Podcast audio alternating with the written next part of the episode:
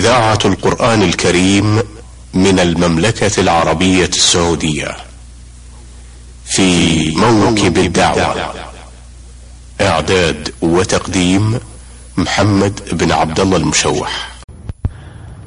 بسم الله الرحمن الرحيم. الحمد لله رب العالمين والصلاة والسلام الأتمان الأكملان على نبينا محمد وعلى آله وأصحابه وأتباعه إلى يوم الدين.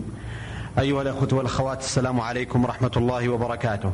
وأهلا وسهلا بكم في هذا اللقاء الجديد من برنامجكم في موكب الدعوة. استضفنا في الأسبوع المنصرم آه، لقاء أولا آه، مع صاحب الفضيلة الشيخ الدكتور عبد الرحمن بن عبد الله الدرويش الأستاذ في المعهد العالي للقضاء بجامعة الإمام محمد بن سعود الإسلامية.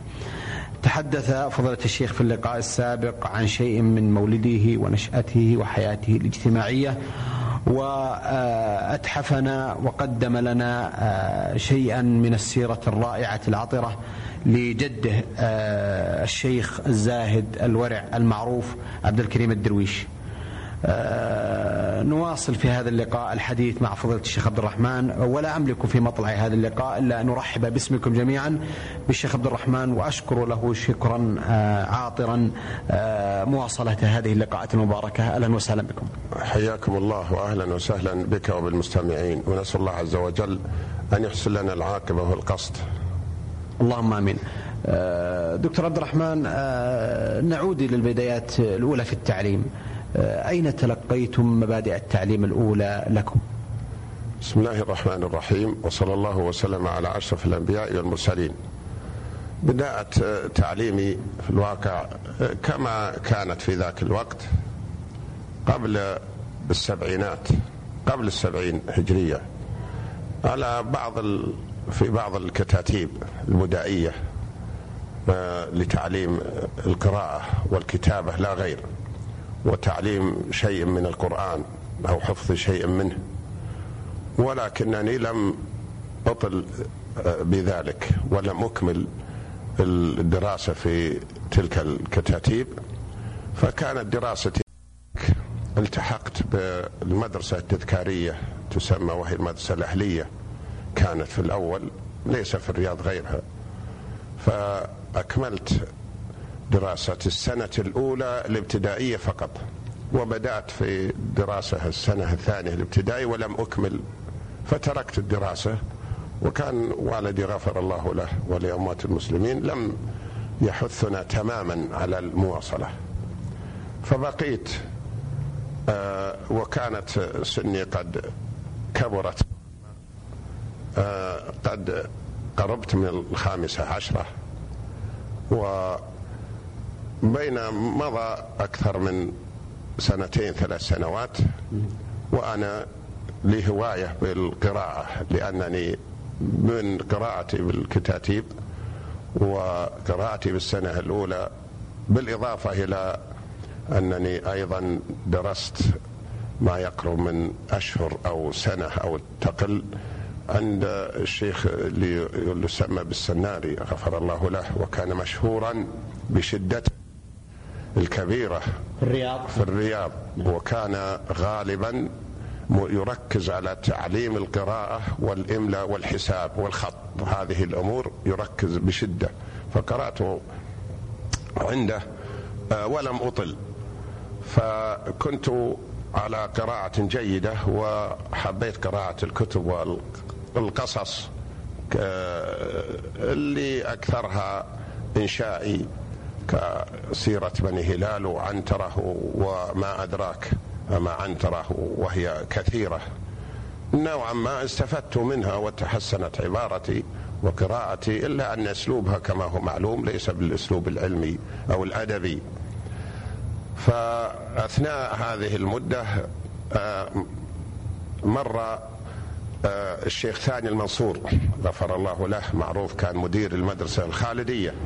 التي كانت في المرقب فرأى أن كأنه استكبر بدني أو جسمي آه، وطوله. فقال تريد أن تعمل؟ تضم يا ولد؟ قلت نعم. تريد تشتغل؟ قلت نعم. فوصف لي المدرسة الخالدية قال تأتي غدا إلى هناك.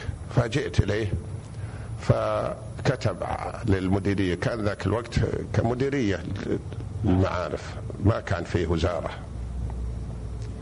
فتعينت هناك آه، موظف في المدرسة الخالدية إلا أنني كنت أيضا لا زلت أحب للقراءة. فكنت أقرأ على نفسي وكلما مر آه، ثاني المنصور رآني أقرأ. وكذلك وكيلة وكان آه، الأستاذ عبد الكريم الكريم أظنه موجود لا يزال موظف وزارة الصحة. وثاني المنصور توفي غفر الله له. فثاني المنصور ووكيل لهما فضل كبير علي وكلما أذكرهم أدعو الله لهما بالمغفرة. فلأن لما رآني ثاني المنصور أجيد القراءة والكتابة وأحبها فأشار علي أن أكمل دراستي. وألتحق أدرس. ف قلت أنا لا أريد أن أدخل بالثانية ابتدائي أو ثالثة ابتدائي عند أمام الطلاب لأنهم كانوا أحيانا إذا غاب بعض المدرسين آه، أدخل أمسك الفصل وأدرس والطلاب يظنون أنني من المدرسين. فقالوا نختبرك. واختبروني قلت أنا ما أدخل اللي كانت دخلوني في السنة الخامسة. فاختبروني قالوا فوجدوا والحمد لله انني أستحق السنة الخامسة ابتدائي نعم. فدخلت السنة الخامسة وتركت الوظيفة ما أخذت فيها غير سنة ونص تقريبا أقل من سنتين نعم. فلا فايضا هذه السنة الخامسة لم أكملها لأن آه، كان المعهد العلمي الذي يقوم عليه الشيخ محمد إبراهيم غفر الله له ومساعدة ونائبة الشيخ عبد اللطيف أيضا وكان معهد الدعوة في دخنة. قد افتتح عام 70 أو 71 في ذاك الوقت. فتقدم ولم يبقى على الامتحان أكثر من شهرين. فوالدي كانوا يعرفون غفر الله لهم للجميع. فطلب من الشيخ أن ألتحق في المعهد العلمي. وكان فيه سنة سنتين ابتدائي يسمونها التمهيدي وهي عبارة عن الخامسة والسادسة ابتدائية. فالتحقت انتقلت من المدرسة الخالدية إلى المعهد العلمي في نفس السنة الخامسة وهي السنة الأولى تمهيدي. فلا وما زلت واصل دراستي في المعهد العلمي المتوسطة والثانوية حتى تخرجت من الثانوية والمتوسطة جميعا عام 1300 وتسعة وسبعين هجرية أخذت شهادة الثانوية والمتوسطة والتحقت بعدها في كلية الشريعة تابعة لجامعة الإمام محمد بن سعود الإسلامية وواصلت دراستي في الكلية طيلة أربع سنوات حتى أيضا تخرجت منها والحمد لله. عام ألف وثلاثمائة وثلاثة وثمانين أربعة وثمانين هجرية. ونلت شهادة البكالوريوس اللي هي الشهادة الجامعية. آه، أيضا نواصل مسيرة التعليم لكم شيخ عبد الرحمن. آه، قبل أن نعرج على مواضيع أخرى أمامنا نريد أن نتناولها معكم. آه، دراستكم العليا كيف بدأتم بها؟ الماجستير مرحلة الماجستير كيف التحقتم بها؟ لا اولا أحب أن أنبه نسيت وأنا في دراستي في الثانوية في الواقع أنني كنت آه، بعمل خاص بالأخ عبد الكريم كنت أستعين به أخذ منه مبلغ صاحب التسهيلات كنت أخذ منه مبلغ يسير أستعين به مع مكافاه المعهد لأنني كنت تزوجت. في ذاك الوقت وأنا بالسنة الأولى متوسط. تزوجت مبكرا وسني يمكن لم يبلغ التاسعة عشر. وكنت طبعا بحاجة إلى استئجار بيت والإنفاق على الأسرة. فكنت أعمل في المساء وفي الليل في العربات القطار أذهب على دراجة. أو سيكل من دخنة في مكان فرع للأخ عبد الكريم أذهب على السيكل إلى القطار ووزع البضائع التي يرسلها من المنطقة الشرقية على أصحابها وأخذ طبعا مكافأة. مع لأن طلب مني أن أشارك فامتنعت لإكمال دراستي. فكان دراستي كلها تقريبا بالليل وفي المساء أعمل وفي النهار أدرس في المعهد العلمي حتى ثالثة أو ثانية في الكلية الشريعة تركت الأخ عبد الكريم وعمله لأني أوشكت على التخرج حتى تخرجت من كما ذكرت من كلية الشريعة. السؤال ما هو؟ آه، دراستكم العليا ماجستير كيف بدأت؟ نعم السنة دراسة الماجستير أيضا كانت أشد عناء في الواقع لأنني بعدما تخرجت من كلية الشريعة عينت مدرسا في الجرشي ثم نقلت انتقلت إلى الأحساء وكان المعهد العالي للقضاء آه، قد عزموا على فتحه بواسطة الشيخ محمد إبراهيم المفتي العام غفر الله له وجزاه عن الإسلام والمسلمين خيرا من أجل تخريج القضاة. على آه، أسس علمية قيمة جيدة. فحاولت أن أنتقل إلى الرياض حتى أكون من المتحكم بهذا المعهد. وكان مدير المعهد عبد الرزاق عفيفي غفر الله له ولوالدينا وللمسلمين فكان هو مدير المعهد. وتم فتحه عام 86 طبعا هو فتح عام 85 أو تم فلكن لم تبدأ الدراسة به الفعلية إلا عام 86 هجرية. فألحيت على المسؤولين في المعاهد العلمية أن ننتقل إلى الرياض فامتنعوا في بادئ ذي بدء ولما رأوا عزمي وتصميمي إن لم أتمكن وأنقل بأعمالي سوف أستقيل. فتم نقلي كرئيس للمراقبين في الكليتين اللغة والشريعة لأنها كانت في مبنى واحد قبل أن تفصل كلية اللغة العربية وكلية الشريعة. أيضا لم أكمل أكثر من سنة ما كان لي راغب في عمل إداري لأنه عرض علي إدارة معهد وغيره فامتنعت لأني أريد أن أكمل الدراسة. لكن قبلت هنا هذه السنة عام 86 من أجل أن يتيسر لي الالتحاق بالمعهد العالي للقضاء. فالتحقت بالمعهد العالي للقضاء وانتقلت من آه، المراقبة رئاسة مراقبة الكليتين إلى المعهد الرياض معهد الرياض العلمي مدرس فيه هناك. فكنت مدرسا في النهار طيلة الدوام وفي المساء كانت دراسة المعهد العالي مسائية. كما هو معلوم. وكانت ثلاث سنوات. وكانت مناهجها جيدة جدا. لا تقارن بالمناهج الموجودة الآن. لأن كان يدرس فيها التفسير والحديث والفقه وأصول الفقه وتاريخ التشريع وتاريخ القضاء. وبعض الأنظمة آه، كلها تدرس وفي دراسة جادة. وتدرس في المساء من بعد المغرب. إلى ما يقرب من بعد الساعة الحادية عشرة ليلا. فكنا نأتي آه، في الليل ندرس وفي النهار نذهب إلى العمل للتدريس في المعهد الملز في معهد الرياض العلمي. آه، حتى السنة الثالثة طبعا كان المعهد لم يكن في بادئ الأمر.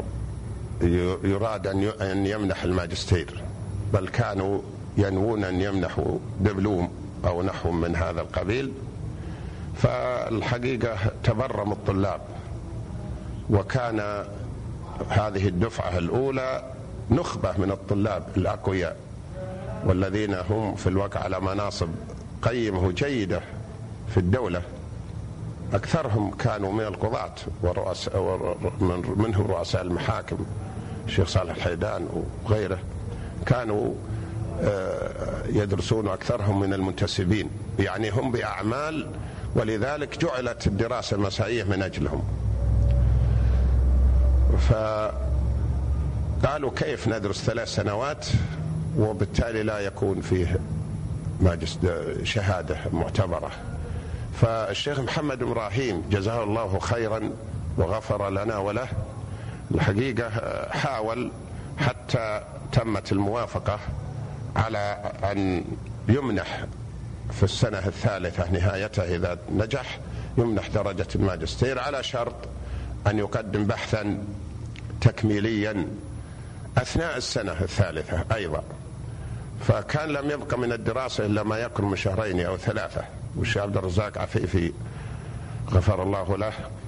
آه، أصر أن إلا أن نقدم البحث قبل بدء الامتحان لأنه معه الحق لأن يقول هذه أول دفعة إذا تمت السنة الثالثة ولم يتخرج أحد ماذا أقول؟ المسؤولين. فأصر على أن يتقدم الطلاب ببحوث. وطبعا ما كان البحوث جاري في كلية الشريعة. ولا يكتبون بحوث ولا شيء من هذا القبيل. فأشكل على الطلاب الحقيقة الذين يدرسون وأنا كنت واحدا منهم. فأخذنا نبحث لأن هناك منهج لابد من الامتحان به ويحتاج إلى اختيار موضوع والكتابة فيه وبالإضافة إلى أعمالنا في النهار. وكل هذه في مطلوب البحث والمنهج خلال شهرين ما تبقى من السنة الثالثة من السنة الثالثة. فالواقع أنه بإعانة من الله عز وجل تم واخترت موضوعا للكتابة فيه واختبرنا وكان الاختبار في الواقع مجهد ومضن جدا لأن كان في الليل. ولا يبدأ من بعد صلاة العشاء حتى ما يتخلل صلاة أثناء الامتحان. فيبدأ من بعد صلاة العشاء ولا ننتهي من الامتحان إلا ما يقرب من الساعة الثانية عشرة تقريبا. وهذا في الصيف الليل قصير. يعني ما يبقى على الفجر إلا ما يقرب من ثلاث ساعات أو ثلاث ساعات ونصف. ونحن أيضا نختبر الطلاب. بدأ الامتحان لطلابنا في المعهد الرياض العلمي. في الصباح معناه نحن ملزمون أن نذهب للمراقبة والاختبار لطلابنا في المعهد الرياض العلمي. فكذا الواقع كان شاق جدا علينا. ولهذا بعض زملائنا كالشيخ صالح المنصور وعبد الله الزايد وكان مدير المعهد الرياض العلمي ذاك الوقت الشيخ عبد العزيز بن سعيد رئيس الهيئات في الوقت الحاضر. جزاه الله خير. وكان مجتهدا فهم طلبوا أن يف... طلبنا أن يعفينا من من المراقبة على الطلاب. فامتنع.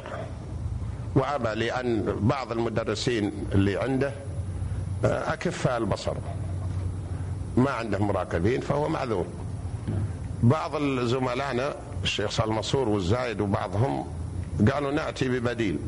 يراقب عنا فجاءوا. ببديل كأن البديل اللي جاءوا به بعد ما أذن لهم الشيخ بن سعيد كأنهم ما ليسوا على الجودة بالمراقبة. فطلبت أنا أيضا أن آتي لي ببديل فامتنع. قال اخاف إنه يكون مثل اللي جاءوا به زملائك وأنا ما عندي مراقبين. فهو معذور في الواقع. فاضطريت أنني في النهار أراقب وفي الليل بعد العشاء نختبر وعلى أي حال الإعانة من الله عز وجل تم النجاح والحمد لله بسلام واستحصلت على درجة الماجستير مع أول دفعة من المعهد العالي للقضاء نعم. في المملكة العربية لأن ما كان في دراسات عليا عام كم كان ذلك؟ غير المعهد طبعا قلنا بدأ دراسنا عام 86 و87 و88 تخرج تخرجت أول دفعة دراسات عليا ونالوا درجة الماجستير من داخل المملكة وفق الله الجميع للخير. أه، لكن كان موضوع البحث ماذا شيخ عبد الرحمن؟ أه، في الواقع أن اجهدت نفسي في بحث ميسور ولم أجد في ذاك الوقت طبعا إلا المصالح المرسلة في الشريعة الإسلامية وكان المشرف عبد الرزاق عفيفي جزاه الله خير استشرته فقبل وشجعني وقبل الإشراف أيضا فكان هو المشرف على هذا البحث قرأته عليه كاملا. جزاه الله خيرا. نعم. آه، أحسنتم شيخ عبد الرحمن. آه، أيضا نواصل حديثنا عن الدراسات العليا. مرحلة الدكتوراه كيف آه، ابتدأتم بها؟ أيضا مرحلة الدكتوراه أيضا نالني فيها من الجهد والعناء أكثر أو قريب مما نالني في مرحلة الماجستير. ف والواقع أنه كان الطلاب في الدفعة الأولى وأنا كنت من ضمنهم يعني نالهم من المشقة العظيمة لأنه لما تبقى ما يقرب من شهرين أو ثلاثة أشهر على انتهاء السنة ما كانت فصلية كانت على النظام السنوي النظام السنوي. فأعلن أن المعهد سيمنح درجة الماجستير على أن يقدم الطلاب بحثا تكميليا ضمن المنهج الذي ندرسه في الليل. فاجتمع إعداد البحث ومع المنهج تكميلي مع دراستنا في النهار تدريسنا في النهار العمل الوظيفي. فالواقع كان في هذه صدمة كبيرة لأن الشيخ عبد الرزاق غفر الله له طبعا قال هذه أول سنة يتخرج المعهد ما كان يريد أن يعني تنتهي السنة الثالثة ولم يتخرج أحد. ف قال حثنا على أن نتقدم ببحث أثناء السنة أيضا قبيل الامتحان. قبيل الامتحان النهائي. فصار فيه من المشقة الكبيرة لكن بالتوفيق من الله عز وجل وإعانته بعض من كثير من الذين كانوا يدرسوا معنا وهم من نخبة الموظفين أكثرهم قضاة بالمحكمة الرياض الكبرى ومدرسين وفي ديوان المظالم وغير ذلك. يعني من البارزين في دراساتهم فاجتهدوا وقدموا بالبحوث وكنت أنا أيضا من ضمن الذين تقدموا ببحث لأن بعض الطلاب ما استطاع أخر طلب أن يؤخر بحثه إلا ما بعد السنة المنهجية. فقدمنا بحث في خلال. هذين الشهرين واختبرنا في السنة الثالثة المنهج والحمد لله تم آه، آه، النجاح وإتمام الدراسة واستحصلنا على درجة الماجستير. مع أول دفعة أخذوا دراسات عليا في من داخل المملكة.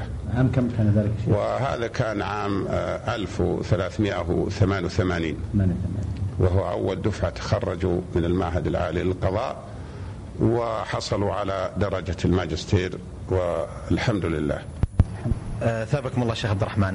آه، الحقيقة بعد استماعنا إلى هذا المشوار المبارك في آه، مراحل دراساتكم الابتدائية والمتوسطة والثانوية والجامعية والماجستير نصل الآن إلى مرحلة الدكتوراه. كيف بدأتم بها دكتور عبد الرحمن؟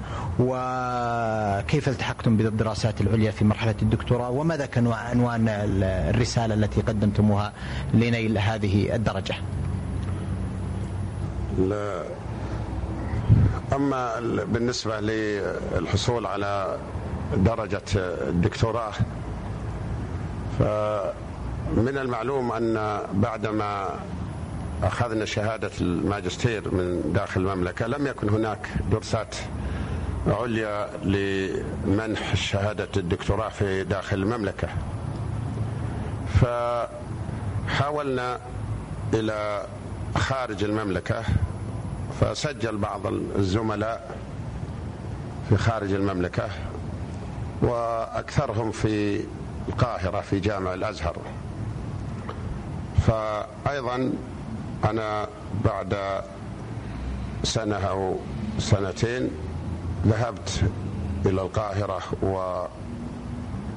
وسجلت أو حاولت أن أختار موضوع أو أقدم لقبولي وتم قبولي في تلك المرحلة في تلك المرحلة وبحثت عن موضوع يكون مناسب ولكن كأن المسؤولين هناك في كلية الشريعة والقانون في الأزهر في جامعة الأزهر آه، كأنهم آه، حريصين على تسجيلنا في أصول الفقه بعد مقارنة المناهج في المعاهد التي في المعهد العالي للقضاء اللي حصلنا منها على الماجستير.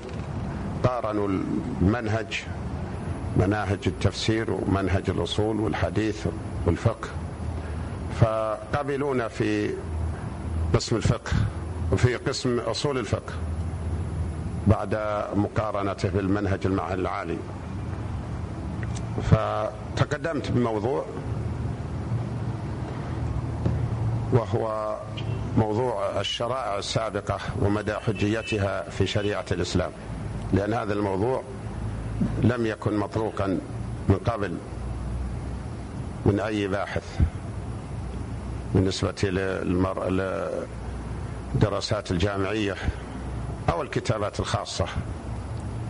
حسب علمي فتقدمت بخطة وافية حول هذا الموضوع. والحمد لله تم قبول الموضوع والخطة في كلية الشريعة والقانون في جامعة الأزهر في القاهرة. وعين مشرفا عين مشرف لهذه المرحلة وكان في أول الأمر الدكتور ياسين الشاذلي وكان قد ممن انتدب للتدريس عندنا في داخل المملكة في جامعة الإمام في كلية الشريعة. وكنت طبعا أنا ذاك آه، قد انتقلت من المعهد من التدريس في المعهد العلمي إلى كلية الشريعة للتدريس والتحقت في سلك التدريس في الكلية. وكان الدكتور ياسين الشاذلي من الزملاء الذين انتدبوا من مصر. فقابل الإشراف وتم تسجيل الرسالة والحمد لله وكنت أيضا لا زلت على رأس العمل في التدريس في الكلية. وأيضا كنت جديد في الكلية يحتاج إلى جهد. وأنا خاصة المادة اللي كنت أدرسها ذاك هي الفقه. قسم المعاملات في الفقه في كلية الشريعة. وظليت أكتب على مهل ولكن كأن المشرف بعد أن انتقل إلى القاهرة أو أنه آه، ما أضبط آه، أذكر بالضبط السبب الذي دعا أو طلبت الكلية أن أنقل الإشراف من الدكتور ياسين الشاذلي وتولى الإشراف رئيس قسم أصول الفقه في كلية الشريعة والقانون بالأزهر. فصار هو المشرف. وهذا من حسن حظي لأنه مشهور الدكتور عبد الغني عبد الخالق مشهور في القاهرة وفي العالم الإسلامي كله. وكان أيضا جاء زائرا أيضا المملكة في جامعة الإمام. كان عندنا في القسم الأصول أيضا. فجزاه الله خير وغفر لنا وله ولوالدينا والمسلمين قبل الإشراف وهو رئيس القسم الأصول هناك. فصار هو المشرف على الرسالة. والحمد لله بالجمع بين العمل في الكلية والكتابة الرسالة وكنت طبعا الدكتور عبد الغني لم يدم عندنا في الكلية بل رجع إلى القاهرة وهو عمله الأساسي يرأس قسم الأصول هناك. فكنت راسله في بعض الموضوعات على اتصال به حتى يسر الله عز وجل إكمال الرسالة. إلا أنه الحقيقة نالني بعض الصعوبات جدا. وبعض الإشكالات. ذلك أن بعض الزملاء من المدرسين الذين درسوا معنا في المعهد ونالوا الماجستير فرغوا من قبل الجامعة لإكمال دراستهم الدكتوراه في القاهرة. فرغوا من قبل الجامعة ليكون دراستهم في القاهرة.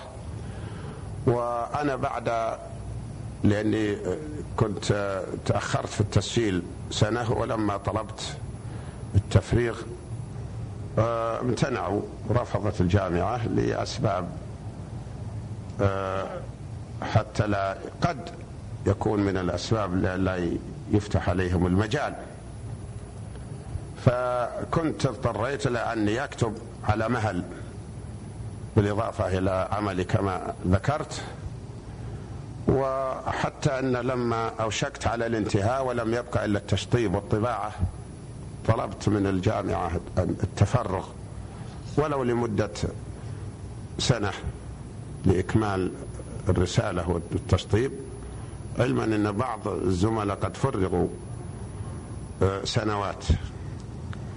فمجلس الكلية الشريعة وافق جزاهم الله خيرا وحتى ولما وافق القسم ومجلس الكلية كذلك وافق على تفريغ لمدة سنة للذهاب إلى القاهرة لتشطيب الرسالة وإكمالها.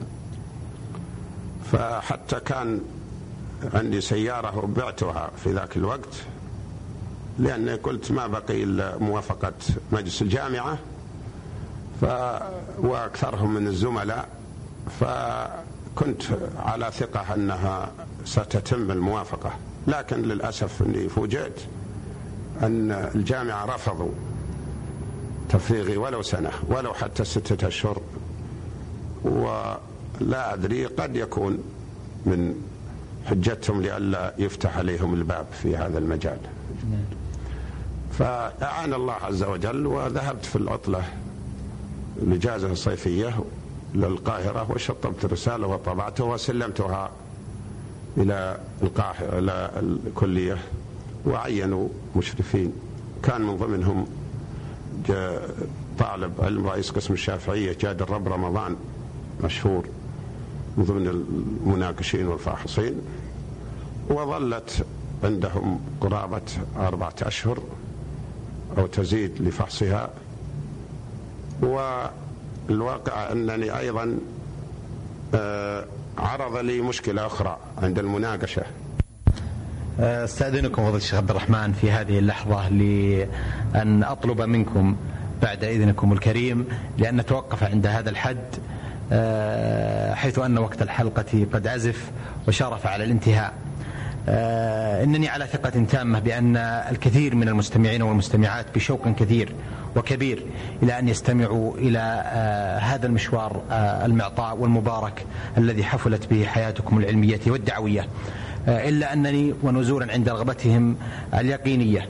آه، أعدهم بإذن الله تعالى أن يكون لنا تواصل مع صاحب الفضيلة الشيخ الدكتور عبد الرحمن بن عبد الله الدرويش في لقاء قادم في مثل هذا اليوم من الأسبوع القادم لنواصل الحديث معه عن العوائق التي واجهت نيله درجة الدكتوراه وما بقي من محطات في حياته العلمية والدعوية. شكر الله لفضيلته وجزاه خير الجزاء ونفع بعلمه وعمله ونلقاكم بإذن الله تعالى على خير.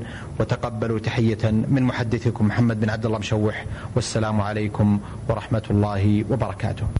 في موكب الدعوة إعداد وتقديم محمد بن عبد الله المشوح.